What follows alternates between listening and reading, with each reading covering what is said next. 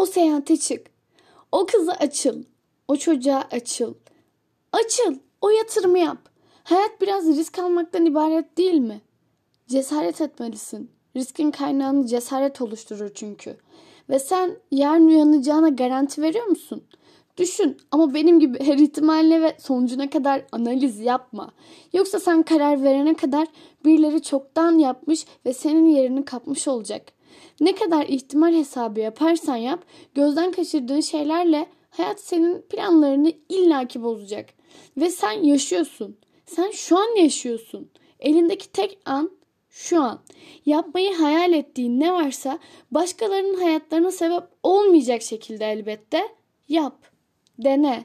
Bir şeyleri başarmak zorunda değilsin. Ama ileride pişman olmak istemiyorsan denemek zorundasın. Ve sana iyi bir haberim var. Başarırsan ki bu ihtimalin başarmama ihtimalinden hiçbir eksik tarafı yok.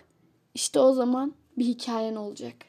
O zaman stüdyoda renkli anlar cesaret konusuyla başlıyor.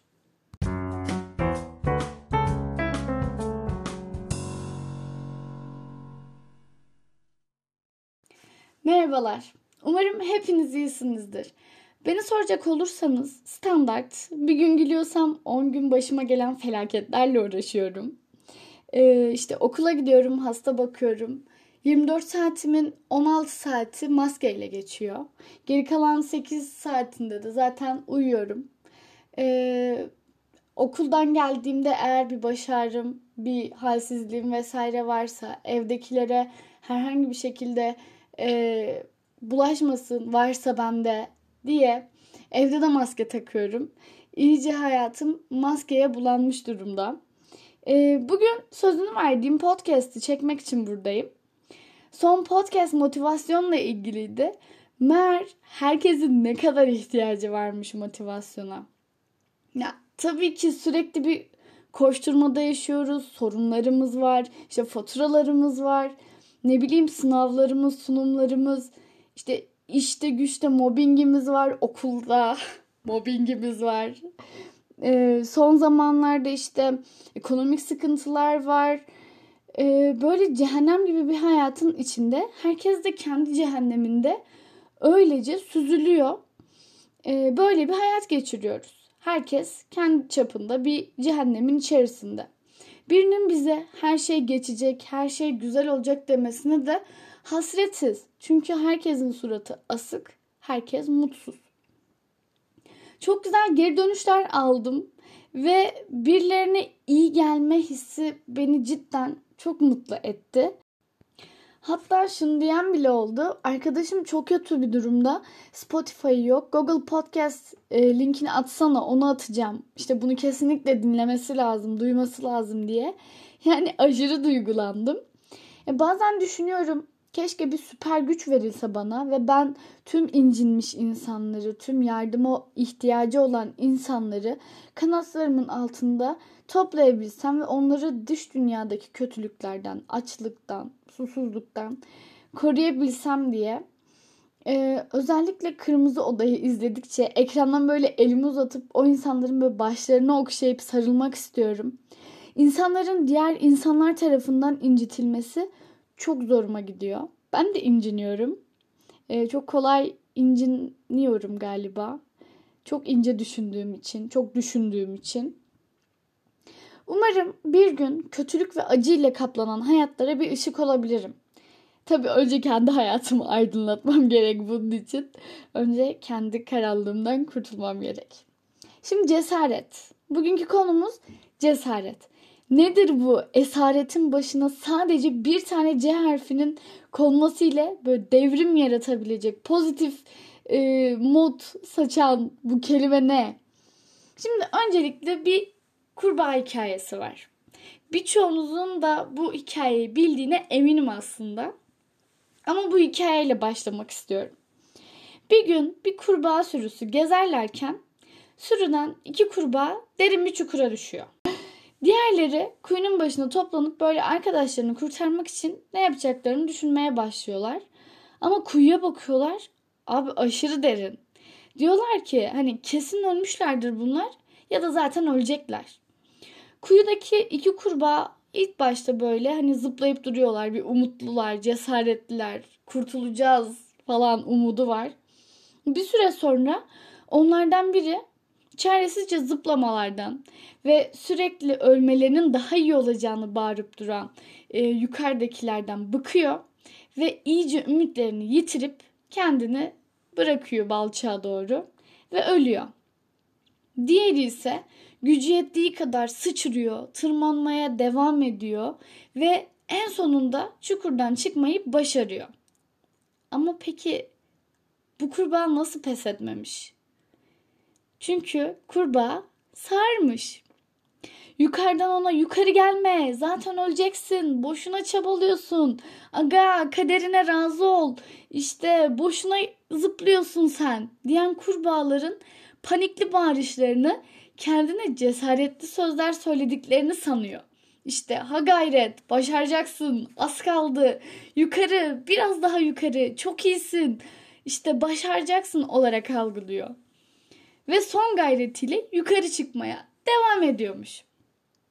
Dil ve mizaç ya gerçekten o kadar önemli ki cesaret verici tek bir kelime, bir gülüş, işte bir elini omzuna koyup işte hadi silkelen yapabilirsin adlı bir söz, bir umut, bir bakış umutsuz bir insanı tekrar yükseltip yaşama bağlayabiliyor. Bazen de tek bir kelime dahi bir insanı öldürecek kadar aşağı çekebiliyor. Ya kelimelerin gücü o kadar büyülü ve o kadar bıçak gibi keskin ki hangi yönünü kullanmak ise tamamen bize bağlı yani. Unutmayın hayat kaderine razı olana değil ona karşı çıkmaya cesareti olanlara bir şans verir. Ben de unutmayayım. Çünkü çok sık umutsuzluğa ve depresyona sürüklenebiliyorum. Ee, özellikle son yıl işte mezun olacağım, işte seneye ne yapacağım, nasıl iş bulacağım diye çok böyle derde giriyorum. Her gün her sabah gözümü açtığımda seneye bugünler neredeyim diye e, aga diyerek uyanıyorum falan. Dünya hassas kalpler için bir cehennem. Bu yetmiyormuş gibi hassas kalplilerin işte hayatında sürekli de bir aksilik çıkıyor falan filan. Neyse. Ama boyun eğmek yok. Madem böyleyim, madem böyleyiz, çekeriz podcast'ımızı. Gerektiği günlerde de ağlayarak dinleriz. Biz de böyle delikanlıyız. Size bir şey diyeyim mi? Cesaretli olmak için doğru zaman diye bir şey de yok aslında. Ee, o yüzden o zamanı beklemeyin. Nereden mi biliyorum? Çünkü ben hep bir şeyler yapabilmek için doğru zamanı bekleyenlerden birisiydim. Sonra fark ettim ve dedim ki hayat hiçbir zaman güllük gülistanlık olmayacak. Ve doğru zaman beklersem o zaman asla gelmeyecek. Ya başla kanka yani. Sonra bir bakarsın annemin dediği bir söz vardır her zaman. Yaş geçmiş, iş bitmiş. Birazdan kendi hikayemi de anlatacağım. Ee, mesela o dönemde cehennem ötesi bir dönem hayatımda yine. Ee, bir şeylere girişiyorum.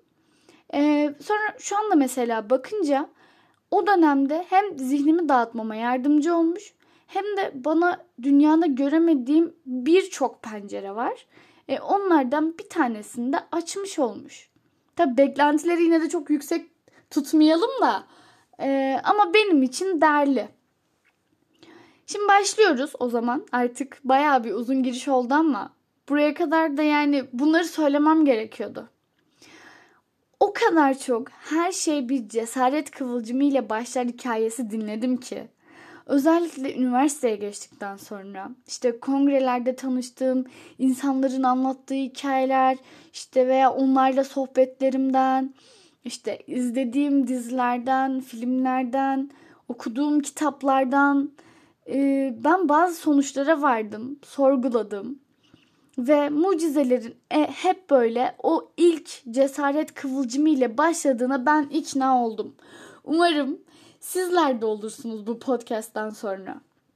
Şimdi düşünün e, ilk cesaret kıvılcımıyla yola çıkıp dünyayı dolaşan bir gezgin düşünün artık durdurulamaz değil mi? Çünkü kırdı bir kere kabuğunu. Gördü yani o otururken yerinde dışarıda akıp giden bir dünya var. Ve bir kere kırıldıysa kabuğun yani mümkün değil artık senin o içindeki coşan sese sağır olman. Yani o kabuğu kırdıkça kıracaksın. Kırdıkça yeşereceksin. Kırdıkça rahatlayacaksın.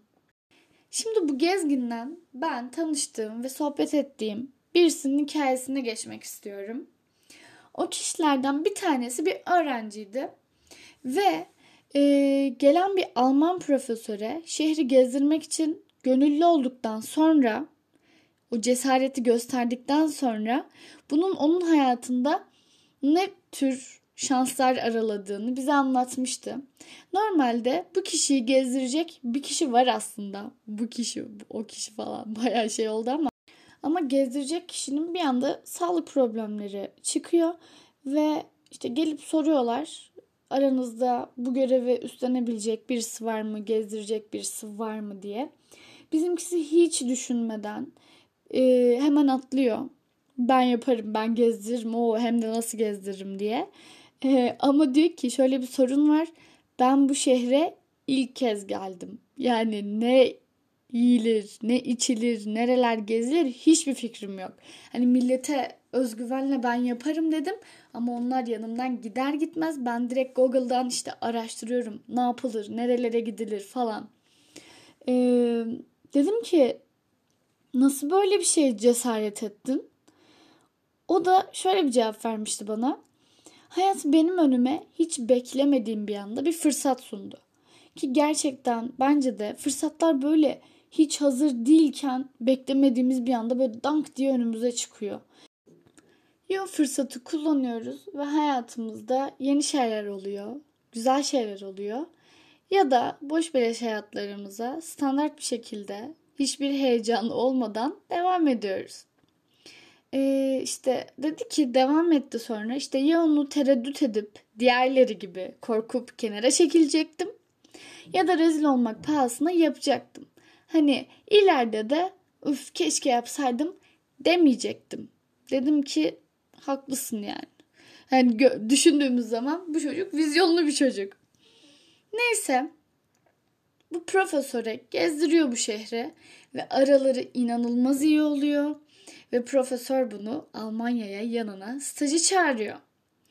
Ee, orada da görev veriyorlar ve o görevi de üstleniyor. Çünkü e, alışkanlık oluyor bu cesaret işi bir süre sonra. Bakıyorsun o cesareti gösterince önüne bir fırsat daha çıkıyor. Bir fırsat daha, fırsat fırsatı doğuruyor. Kapı kapıyı açıyor ve sen de bu hissin bir süre sonra köpeği alıyorsun. İşte diyor ki Almancamı geliştirmek için çünkü görev Almanca ile yapılacak bir şey. E, Almancası diyor ki işte lisede öğrendim. Wie spät ist es? Almancamı geliştirmek için diyor çıkıyordum sokağa. Bildiğim adresleri oradan geçenlere sorup o şekilde pratik yapıyordum. Günde 200 saat uyuyordum vesaire. Yani bayağı e, zor günler geçirmiş. Ama hazı, mutluluğu e, ona kattıkları da güzel yani. Bayağı yüksek bir dönem geçirmiş bana göre. Sonra Türkiye'ye geri dönüyor. İşte bu bir gün bu profesör bunu uluslararası sadece böyle dünyaca ünlü doktorların katılabildiği kongreye özel konu olarak davet ediyor. Bak bak bak. Yani birazdan anlatacağım benim hikayem böyle şeylerle alakası yok. Yani sakın böyle şeyler düşünmeyin. Şimdi bu çocuğunki bayağı üst seviye. Yani ona bir de Allah yürü kulum demiş. Yani biz bu kadar ümitlenmeyelim. Bizimkilerden bu kadar böyle cesaret çıkmayabilir. Ya da cesaret gösterdiğimiz şeylerden bu kadar büyük şeyler çıkmayabilir. Velhaslı kelam ben bu hikayelerden çok duydum ve çok örneği var zihnimde. O yüzden böyle bir şey olduğu zaman hani ben yapayım hani normalmiş gibi geliyor bana artık böyle atlamak, yapmak, yapmak istemek. Ee, şimdi benimkine geçmeden önce dediğim gibi benimkinden bu kadar üst seviye bir şey zerre bak beklemeyin. Bekleyen varsa hemen çıksın terk etsin şu anda bu podcast'ı. Ama kendimi çok da e, ezmeyeyim. Cesaret de cesarettir. E, bazen önümüze bir şekilde bir fırsat çıkıyor. Ve onu hayat sana böyle uzatıyor. Diyor ki alacak mısın? Sen de diyorsun ki ya yapabilir miyim ki? O zaman diyor ki sen bunu düşünene kadar ben bunu aldım senden geri. Başkasına sunacağım.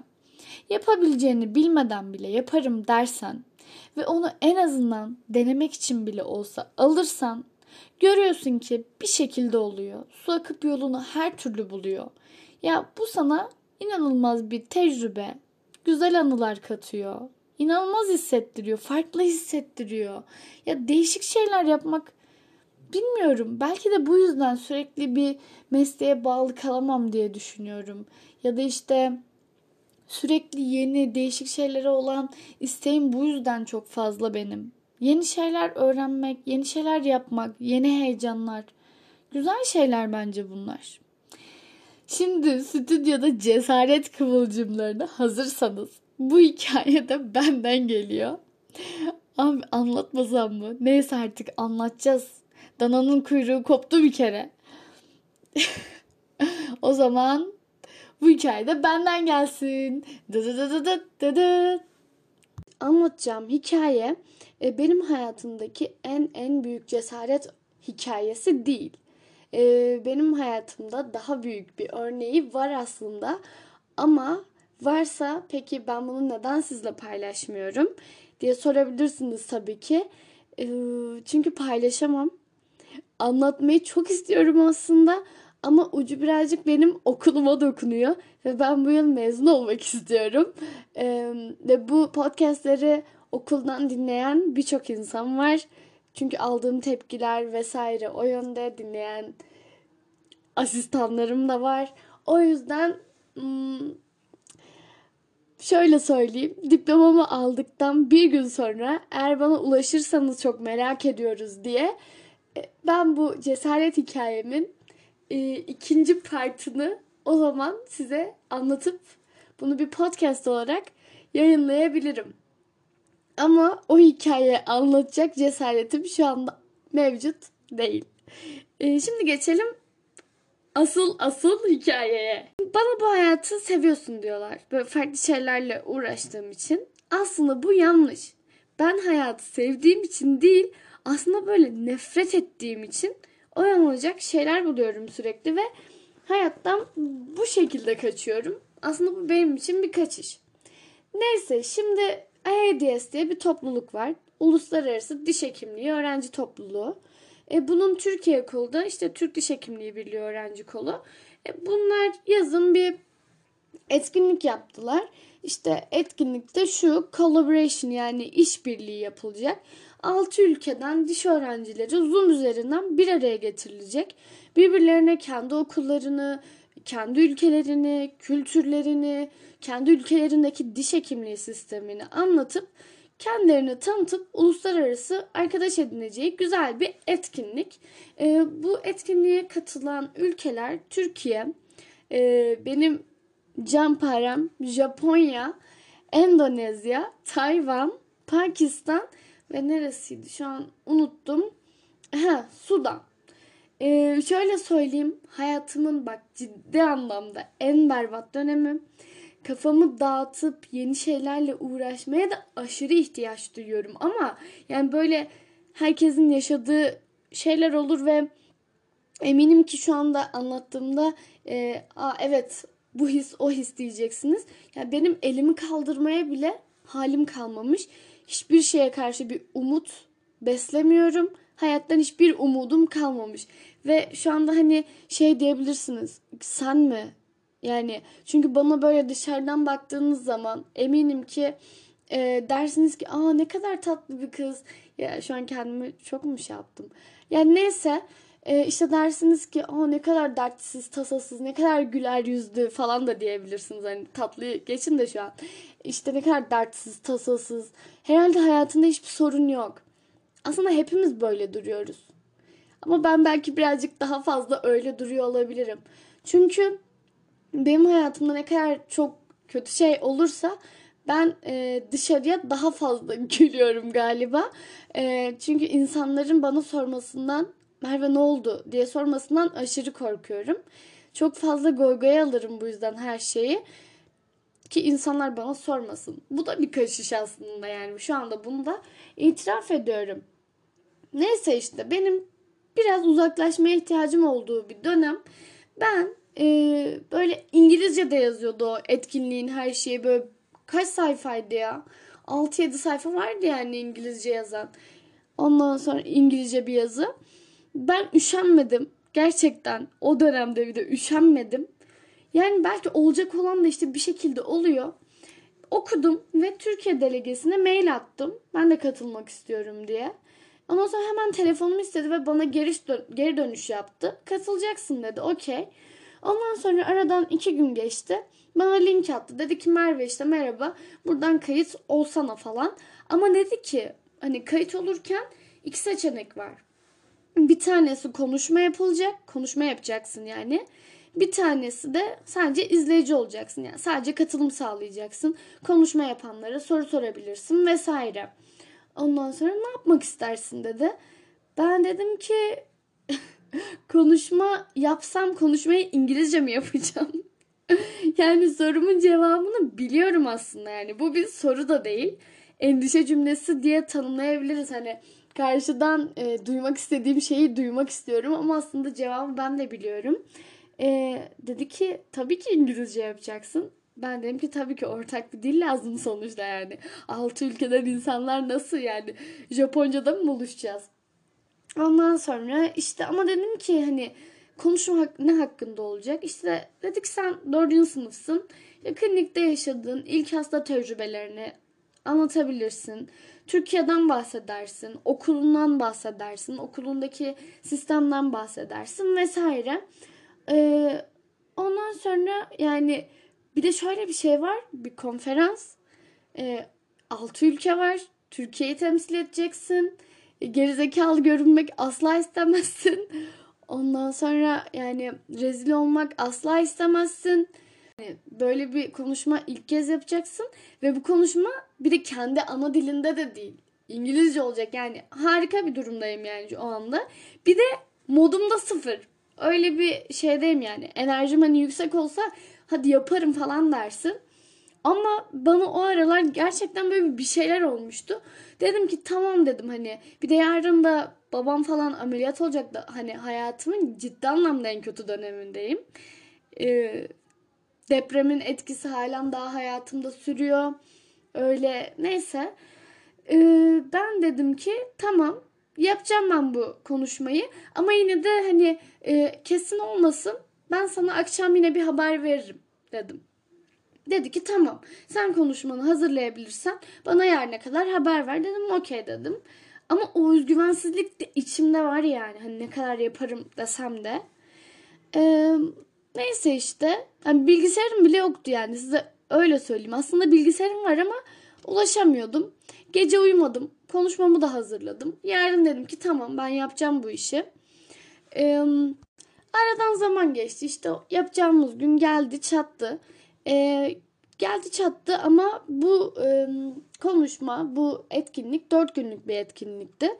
İki hafta, her haftanın e, cumartesi pazarı, cumartesi pazarı. Benimkisi ilk haftanın e, pazar günüydü yani ikinci günüydü. E, birinci gün geçtikten sonra bizim işte bu moderatör dedi ki gelin dedi hani sizinle bir call yapalım. Yani bir görüşme yapalım ve bugün olanları hani bugün konuşma yapanları nasıl geçtiğini ben size bir hani ön bilgilendirme olsun diye anlatayım. Ondan sonra akşam görüşme yaptık. İşte diğer konuşmacılar slide sunum falan hazırlamışlar. İsterseniz siz de yapabilirsiniz. Hani zorunluluk yok. Hani konuşma yapmakta zorunluluk olmadığı gibi slide'da da zorunluluk yok. Ama yani yapsanız böyle bir şansınız varsa güzel olur. Abi benim bilgisayarım yok. Gece olmuş 12. Konuşma yarın. E, hiçbir alternatifim yok. E, ben dedim ki tabii ki hazırlarım. Merak etme yarın sunumla geleceğim ben. Yani gereksiz cesaretlendiğim, gereksiz e, kendimi bir şeylerin içerisine soktuğum anlarda o günler e, öyle ben gecenin birinde bilgisayar buldum bir yerden ama nereden buldum gerçekten boş verin. işte telefonumdaki fotoğraflar, klinikte çektiğim, yaptığım işlerden bir sunum hazırladım. Ve gerçekten sabahın 5'ine kadar uğraştım. Ve ortaya bir şey çıkardım. Güzel de oldu. Diğer gün işte sıra bana geldi. Sunumumu da yaptım diğer gün. Ee, ama en korktuğum yer ne, ne biliyor musunuz? Bana soru sorulacak. O kadar ben kesin anlamam modumdayım ki. Diyorum ki ne halt yiyeceğim ben. Bir de böyle konuşmam ortalardaydı. Bakıyorum Pakistanlılar, Endonezyalılar yani deli dehşet İngilizce konuşuyorlar. Gerçekten o anda çok gıpta ettim. Keşke bizim ülkemizdeki akranlarım ya da işte büyüklerim de öyle İngilizce konuşabilselerdi diye çok böyle gıpta ettim, imrendim. Ee, ama onların konuşmalarında da şöyle bir e, öz eleştiri yap, ay öz eleştiri değil, direkt eleştiri yapmak istiyorum. Abi The Big Bang bilmiyorum izlemiş misiniz de orada bir Raj var böyle Hintli çocuk. Onun gibi böyle değişik değişik böyle böyle nasıl diyeyim böyle Abi gıcık gıcık konuşuyorlar anladınız mı yani? Böyle bir aksan var. Böyle sürekli böyle vicik vicik böyle civciv gibi ciyaklayarak İngilizceyi konuşuyorlar. Yani Allah'ım insanı deli ediyorlar yani. Abi şu kelimeleri düzgünce söylesene yani. Neden öyle değişik hallere sokuyorsunuz yani? Ne gerek var böyle şeylere?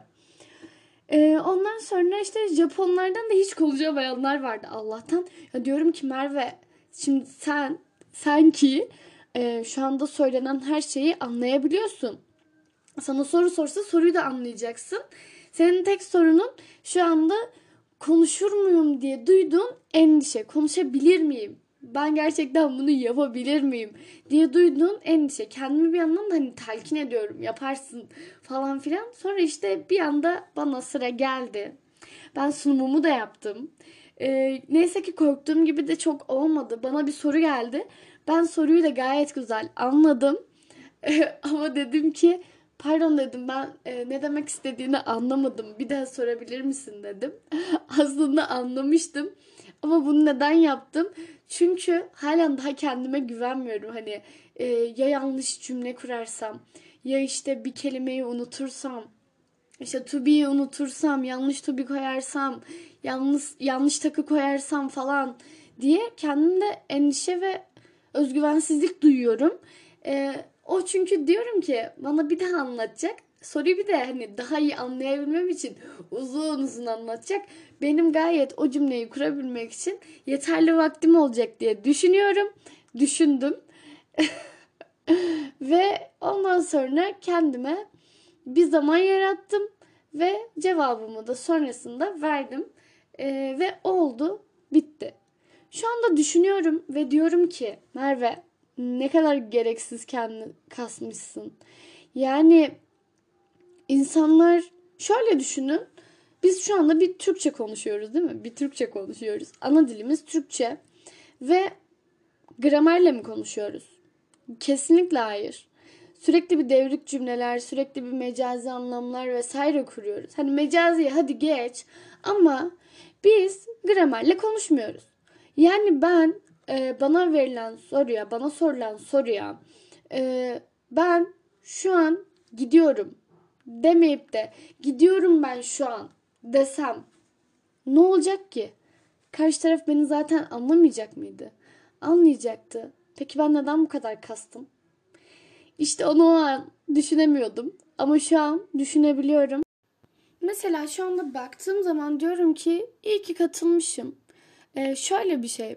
Bu cesaret gösterip katıldığım şey şu anda benim hayatıma işte mucizeler kaynattırıyor falan filan. Hani diyemem.